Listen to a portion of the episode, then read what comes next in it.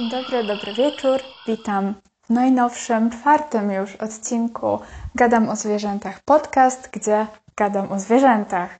I bohaterem dzisiejszego odcinka postanowiłam, że tak dla odmiany od ssaków, które mieliśmy w trzech poprzednich, dzisiaj porozmawiamy sobie o płazie.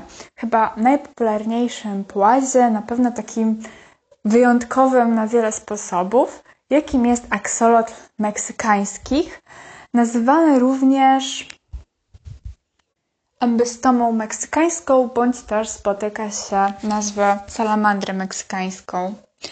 Jest to płaz endemiczny, słodkowodny, gatunek drapieżnego płaza ogoniastego. I co to znaczy endemiczny?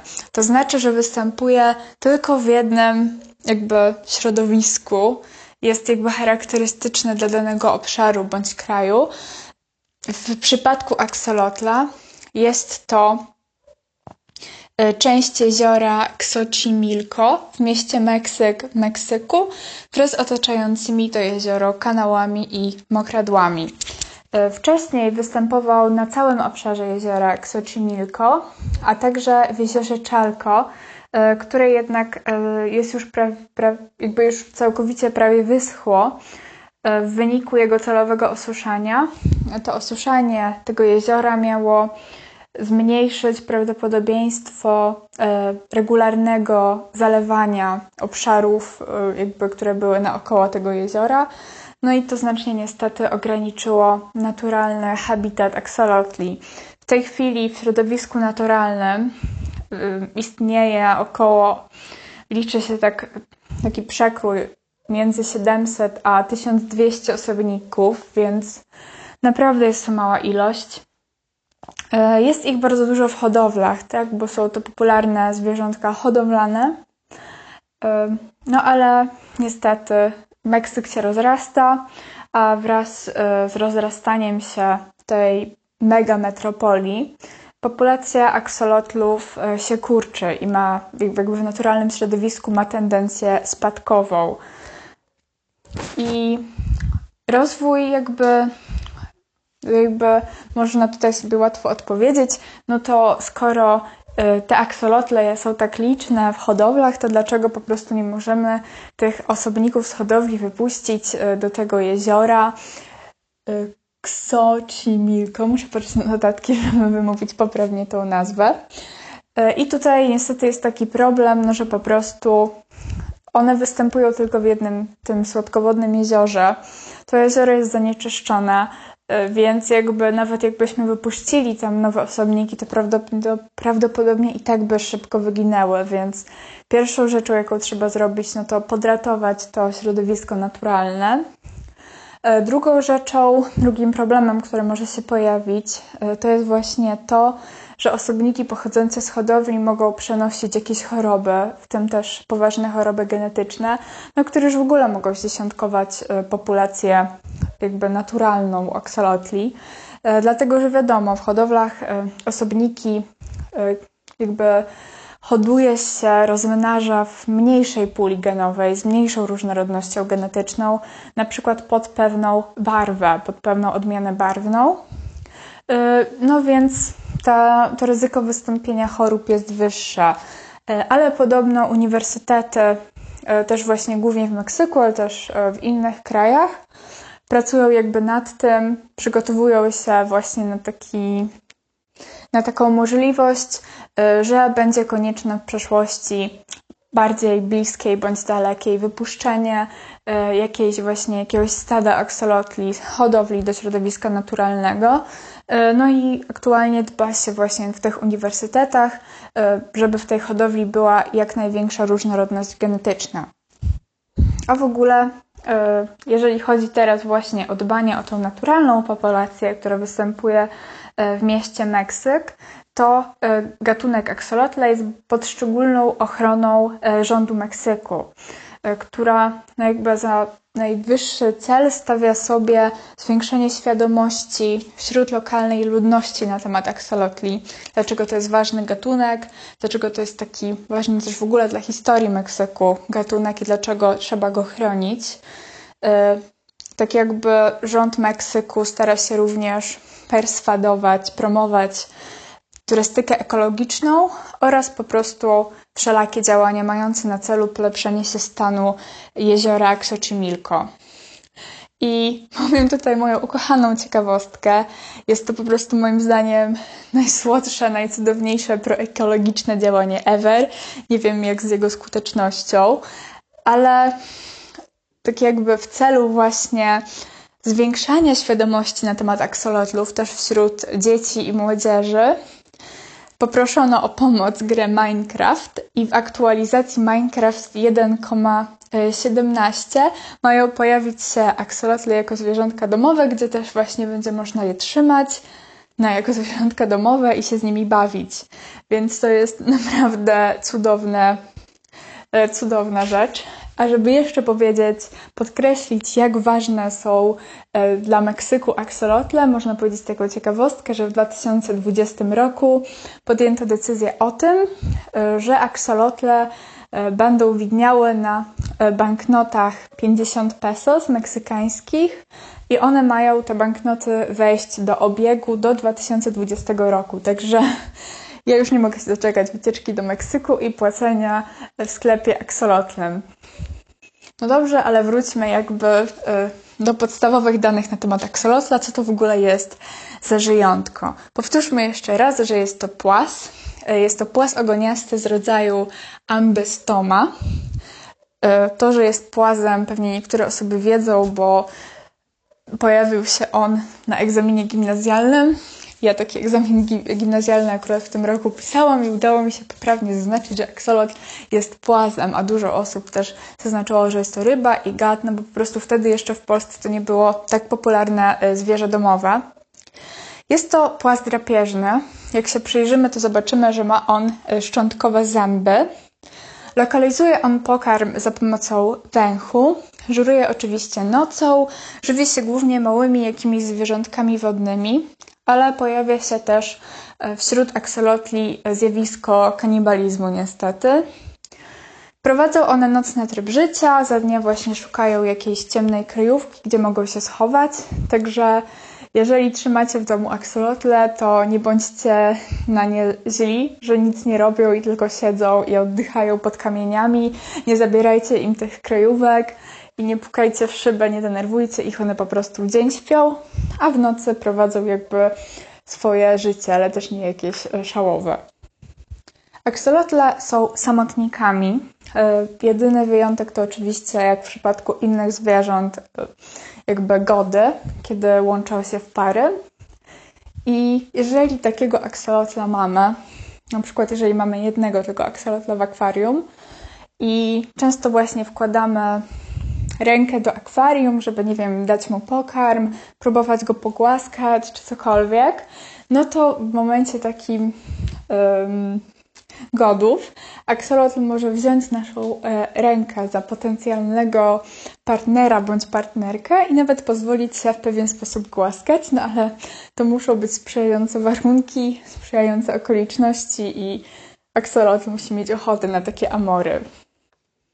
Jeżeli chodzi o Wygląd aksolotla to długość y, ciała to jest do 30 cm. Podobno te 30 cm to bardzo rzadko w przyrodzie występuje. Zazwyczaj jakiś standardowy rozmiar to jest 15 cm bądź 20 parę. Na tylnej części głowy, po obu jej stronach, znajdują się właśnie te charakterystyczne trzy pary skrzeli zewnętrznych, które przypominają w ogóle takiego pięknego koralowca. E, ma takie delikatne, powiedziałabym wręcz porcelanowe kończyny. E, delikatne, króciutkie, kruchutkie. E, przednie kończyny są zaopatrzone w cztery palce, a tylne w pięć palców. Nie mają one oczywiście paznokci. Ta jego głowa jest rzeczywiście taka większa niż być powinna. Widzimy tam takie malutkie, czarne, zazwyczaj paciorkowate oczy, bez powiek oczywiście. Y, ten ogon długi, masywny, który często po prostu stanowi połowę długości ciała. Występuje też często wysoka, bocznie spłaszczona płetwa ogonowa, a u gatunków albinotycznych które mają właśnie taką cienką, półprzezroczystą skórę. Widoczny jest nawet układ szkieletowy. Zapewne wiecie z własnego doświadczenia i własnych obserwacji. W naturze takie aksolotle żyją od 10 do 12 lat, w niewoli trochę dłużej, bo od 12 do 15 lat. A teraz powiedzmy sobie o tym, co najbardziej tak naprawdę szokuje przy aksolotlu i co najbardziej go wyróżnia i charakteryzuje. Jest to zwierzę, którego charakterystyczne jest występowanie zjawiska neotenii. A co to jest ten trudny biologiczny termin neotenia? To znaczy, że u postaci larwalnych, jakby w tym stadium larwalnym, larwy są w stanie po prostu e, się rozmnażać. Tak, powiedzieć najprościej jak się da. No bo jak spojrzymy sobie na takiego aksolotla, to y, będzie on przypominał może niektórym z wyglądu, nie wiem, jakąś kijankę, e, stadium larwalne traszki albo innych płazów. I logicznie by się wydawało, że no wiadomo, to stadium larwalne żyje w wodzie, a później przechodzi transformację, przeobraża się e, w takiego dorosłego płaza, który jest już e, zwierzęciem lądowym. Jest formą dorosłą. W przypadku aksolotla coś takiego się nie dzieje. Jakby to, co widzimy, aksolot to jest maksimum e, jego zdolności. Jest to spowodowane jego wrodzoną wadą, która polega na tym, że jego tarczyca ma bardzo niską funkcjonalność. Nie wytwarza ona hormonu e, tyroksyny. E, jest to hormon, który jest niezwykle ważny dla rozwoju fizycznego i psychicznego młodych organizmów. No więc logicznie, jeżeli nie ma tego hormonu, no to ten, ten aksolot nie może po prostu tej formy dorosłej osiągnąć, więc pozostaje po prostu wiecznie w tym stadium larwalnym.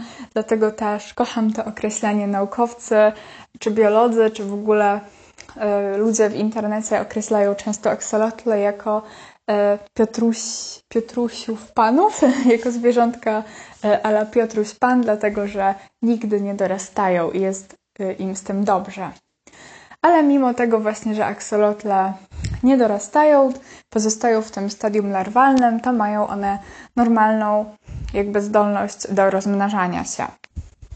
A w warunkach naturalnych nie dochodzi do tych przekształceń się w postać lądową, w taką salamandrowatą.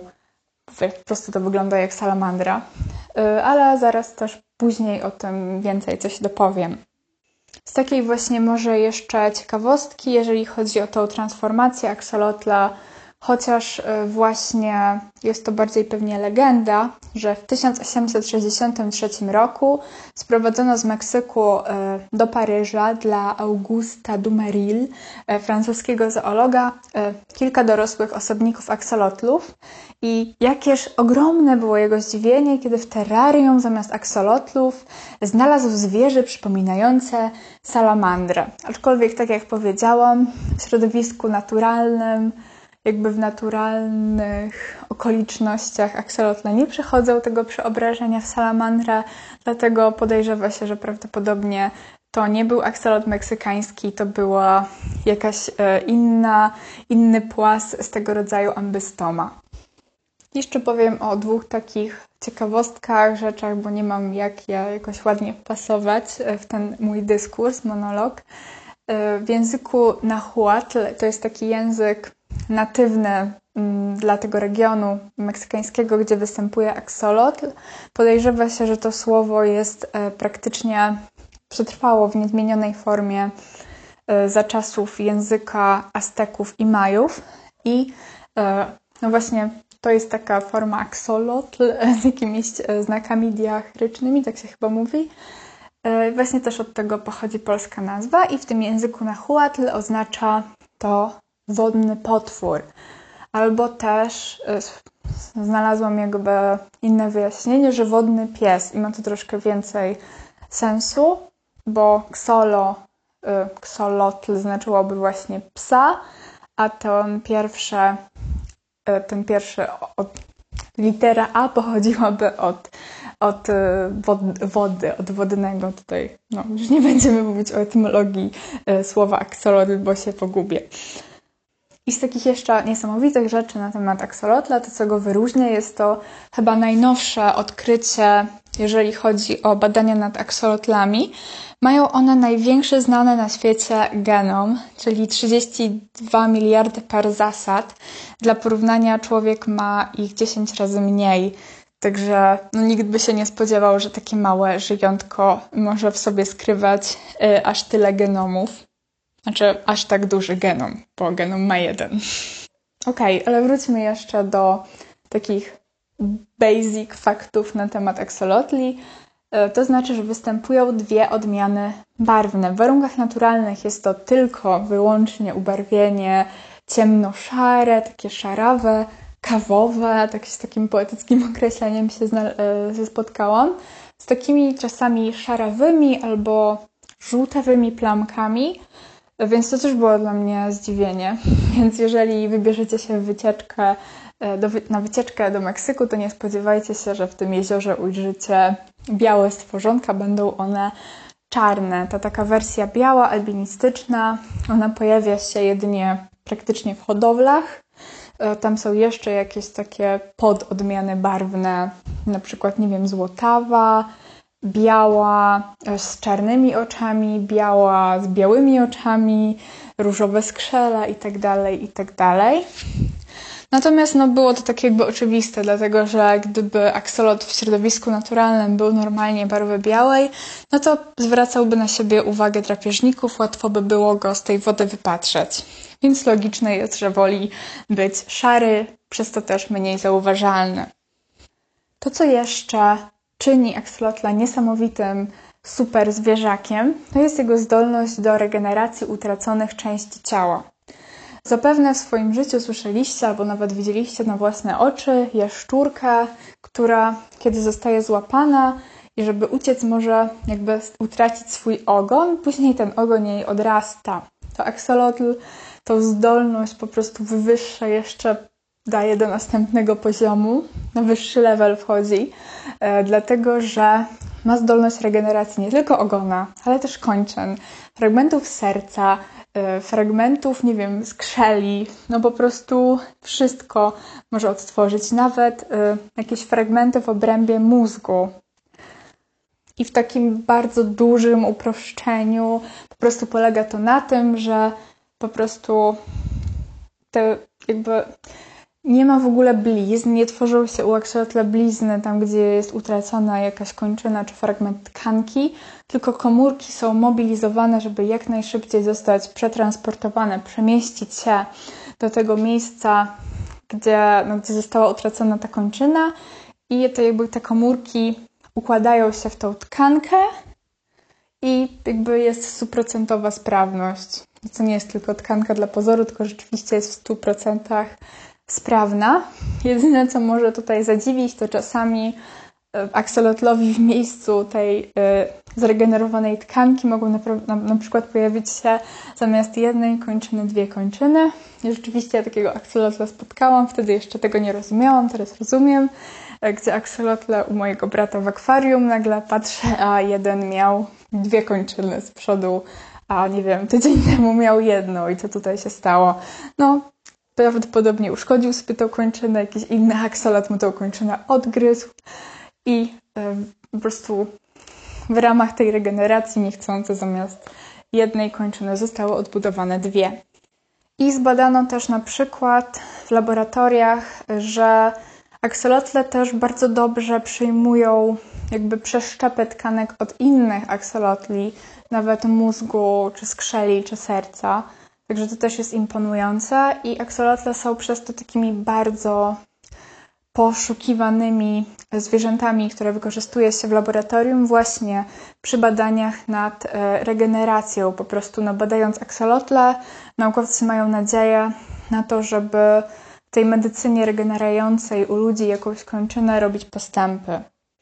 Teraz jeszcze chwilę chciałabym powiedzieć na temat e, rozmnażania u aksolotli.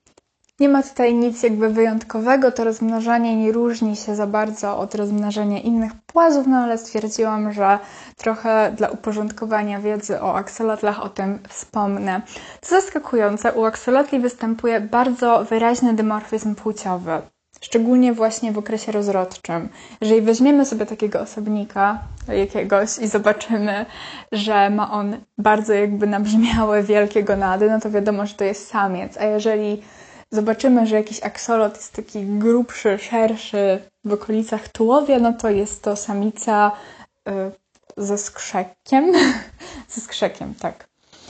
Y, więc jak wygląda dalej Y, to rozmnażanie. Po okresie kilkutygodniowym, y, tygod, kilkutygodniowego zimowania samiec aksolotla składa na roślinach spermatofor. Spermatofor jest to po prostu pakiet plemników otoczony osłonką.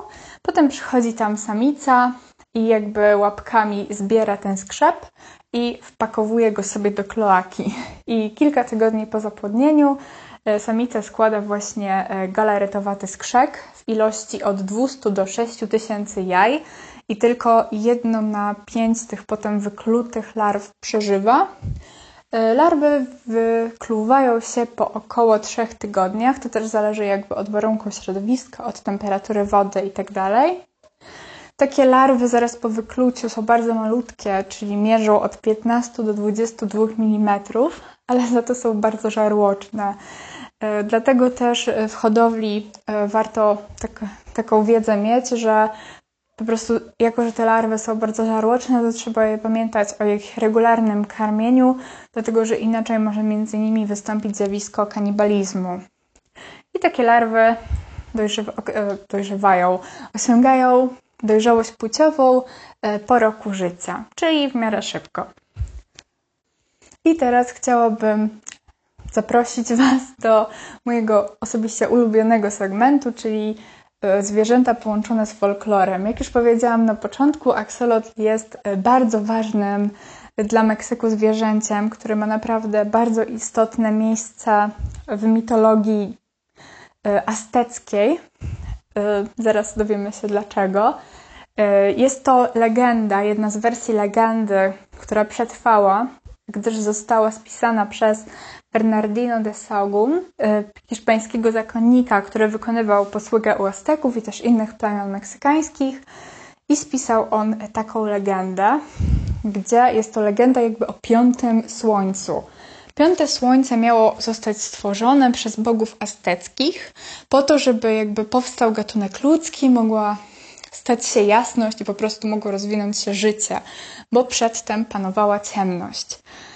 I zebrali się wszyscy bogowie, no i doszli do wniosku, że żeby zwabić jakby to słońce, żeby to słońce wzeszło i powstało życie, to wszyscy bogowie muszą oddać życie, muszą się po prostu poświęcić. I pierwszy się zgodził na takie poświęcenie, chyba największy, najpotężniejszy bóg e, aztecki, czyli Quetzalcoatl, chyba dobrze wymówiłam. Potem też inni bokowie, pomniejsi, trochę marudzili, no ale się w końcu zgodzili. Ale był jeden bóg, e, bóg o nazwie Xolotl, który nie chciał, e, nie chciał zginąć, nie chciał umrzeć. Był to brat bliźniak e, Xeloitzcuintla, który jakby miał głowę psa i odwrócone stopy. tak? E, I postanowił uciec przed śmiercią. Na początku zmienił się w kolbę kukurydzy, no ale go znaleziono. Potem uciekał dalej, zmienił się w jakąś tam, nie wiem, trawę, agawę, ale też go znaleziono. Odkryli jego schronienie, no i ten ksolot uciekał dalej, aż w końcu wskoczył do wody, gdzie zamienił się właśnie w aksolotla, w taką dziwną rybę. Teraz wiem oczywiście, że to nie ryba, no ale finalnie ta historia i tak się dla Axolotla e, kończy źle, dlatego że zostaje on odnaleziony i poświęcony i dzięki temu istnieje rasa ludzka według e, wierzeń esteckich. No i dlatego właśnie ten e, aksolotl pełni taką bardzo, bardzo ważną jakby rolę w tej mitologii azteckiej, dlatego że jest właśnie wyobrażeniem boga Axolotl i też jakby utożsamia się z nim takie jakby moce przeobrażania się, transformacji. Właśnie. A jak tak naprawdę z tą przemianą, transformacją u aksolotli jest? Powiedziałam już, że w warunkach naturalnych do tego nie dochodzi. W warunkach laboratoryjnych można do, jakby taką transformację u aksolotla wywołać.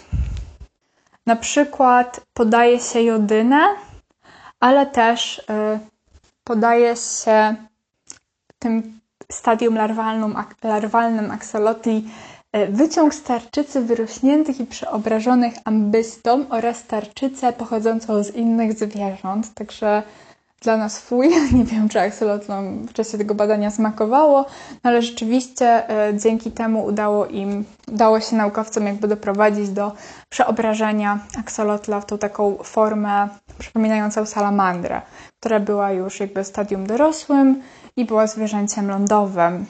I rzeczywiście zauważono, że na początku ta larwa jakby wykazywała zmianę budowy ciała, częściowy zanik skrzeli i płetwy ogonowej, Następ, e, co tu jeszcze? Coraz częściej ta larwa zaczynała oddychać powietrzem atmosferycznym, a po całkowitej metamorfozie ogon stał się zaokrąglony, zaś w końcowej fazie przeobrażenia nastąpiło coraz częstsze zrzucanie na błonka z całej powierzchni ciała. I też tego, co, z tego, co przeczytałam, wygląda na to, że w tej postaci już lądowej aksolotl jakby traci tą swoją zdolność e, regeneracji kończyn i innych jakby tkanek i fragmentów organów. I teraz takiej ciekawości, wiadomo, że już takie właśnie transformacje aksolotli, badania i eksperymenty nad nimi miały miejsce w XX wieku.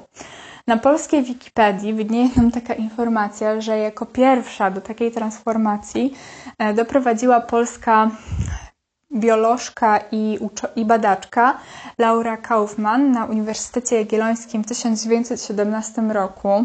Natomiast w żadnych innych źródłach, jakby niepolskojęzycznych, taka informacja nie widnieje, w ogóle nie pojawia się ani imię, ani nazwisko e, Laury Kaufmann. Tylko pojawiają się jakieś no, zagraniczne imienia badaczy facetów. I znalazłam jakieś daty, których no wychodziłoby, że w, na późniejsz, w późniejszych latach XX wieku tym innym e, badaczom takie osiągnięcie się udało zrobić. Czyli jakby wychodziłoby rzeczywiście, że ta Laura Kaufman w tym 1917 roku była pionierką w tym. No ale w takim razie, dlaczego nikt jakby nie cytuje jej osiągnięć? Więc tutaj taka zagłostka, może jeszcze kiedyś mi się uda znaleźć na to odpowiedź takich jeszcze ciekawostek, a bardziej też takich relacji człowieka z aksolotlem, do czego jakby jest wykorzystywany aksolotl, no to jest on płazem jadalnym. E, był on już przysmakiem właśnie w prekolumbijskiej cywilizacji Azteków. No i też jakby lokalna ludność Meksyku zjadała normalnie to zwierzę, poławiała i zjadała. Teraz jest to oczywiście zabronione, nie można jakby nielegalnie łowić i sprzedawać potem aksolotli, jednak niestety nadal ten nielegalny handel istnieje. I nadal można kupić na jakichś takich targach meksykańskich, czy właśnie aksolotla w celach spożywczych, czy aksolotlach w celu jakby medycyny naturalnej, bo też uważa się jakoby, że lekarstwo z aksolotla, nie wiem, jakiś wyciąg czy syrom z, aksolotla pomaga uśmierzyć ból. No ale oczywiście wiadomo, że jakby nie jest to potwierdzone naukowo w żaden sposób. Jak już wcześniej powiedziałam, aksolotl jest e, bardzo ceniony w laboratoriach przy licznych jakichś eksperymentach i badaniach, szczególnie w badaniach z zakresu transplantacji, badaniach wad serca oraz na potrzeby endokrynologii i genetyki. Oraz aksolotla jakby są coraz bardziej popularnym e, zwierzątkiem hodowlanym, e, zwierzątkiem domowym. Hodowle teraz nie, jakby takie pod cel właśnie hodowli prywatnych. Takie wielkie koncerny hodowlane aksolotli nie istnieją już tylko w Meksyku, ale też w Japonii, Holandii, Wielkiej Brytanii itd. Tak ale trzeba pamiętać, że aksolotle trzymane w grupie mogą odgryzać sobie kończyny i końcówki płetwy ogonowej. Jakby nie ma tutaj tragedii, bo mają one zdolność regeneracji, no ale trzeba o tym pamiętać i na to zwracać uwagę. No i jeszcze chciałabym powiedzieć, jakie są właśnie zagrożenia dla aksolotli, bo jest to gatunek krytycznie zagrożony wyginięciem w środowisku naturalnym. No i po pierwsze kurczenie się terytorium. Oczywiście miasto Meksyk się rozrasta i zostaje coraz mniej tej przestrzeni dla natury. Też w tym jeziorze, gdzie występują aksolotle, zostały introdukowane egzotyczne ryby, między innymi tilapie, per, per, perka, perca oraz karpie. I nie dość, że one tak jakby żywią się tym samym pokarmem, jest tak jakby rywalizują pokarm z aksolotlami, to jeszcze te egzotyczne ryby po prostu zjadają skrzek aksolotli. Oczywiście dużym zagrożeniem jest fakt, że aksolotli nadal są przeławiane, są jakby nielegalnie poławiane, czy to do celów medycznych, laboratoryjnych, czy jako wykorzystywane właśnie do medycyny tradycyjnej, lub po prostu też jako takie nielegalne zwierzątko domowe. Dużym problemem jest również oczywiście zanieczyszczenie wód, e, jakieś po prostu śmieci są wyrzucane do tego jeziora i do tych kanałów. Znowu łobienie aksolotli e, w celach spożywczych oraz też obecność chytridiomikozy, czyli choroby grzybicznej skóry, która ogólnie obecnie dziesiątkuje populację różnych płazów. No ale żeby nie kończyć takim bardzo negatywnym akcentem, jako ciekawostkę chciałabym dodać, że inspirację aksolotlem widać w Pokémonach, właśnie w takich y, Pokémonach jak Wooper i Madkip oraz w ich ewolucjach. Dlatego następnym razem, jak będziecie grać Pokémony albo łapać Pokémony, to pamiętajcie o aksolotlu, że on tutaj był bazą i kolumną dla dla artu tych Pokémonów. Ok, także to by było tyle na dzisiaj. Dzięki bardzo za wysłuchanie. Oczywiście byłoby mi bardzo miło, gdybyście zostawili komentarz, gdybyście do mnie napisali, gdybyście podzielili się tym podcastem ze swoimi znajomymi, których może też interesują jakieś zwierzęta, czy zoologia, czy biologia. I możecie znaleźć mój podcast na Spotify e, i na YouTubie oraz mój fanpage na Facebooku oraz Instagramie. Oraz oczywiście możecie pisać do mnie z Waszymi opiniami, propozycjami, pytaniami itd. Tak na maila gadam o zwierzętach podcast małpa.gmail.com chyba com, tak, .com e, Oczywiście bez polskich znaków. Ja chętnie przeczytam Wasze opinie i odpowiem na Wasze E, pytania i zobaczę, co myślicie. Oczywiście, jeżeli macie chęć posłuchać o jakimś konkretnym zwierzęciu, też do mnie piszcie i dzięki, że dobrnęliście do końca dzisiejszego podcastu. Do następnego podcastu, do następnego odcinka, do następnego zwierzęcia. Pa, pa.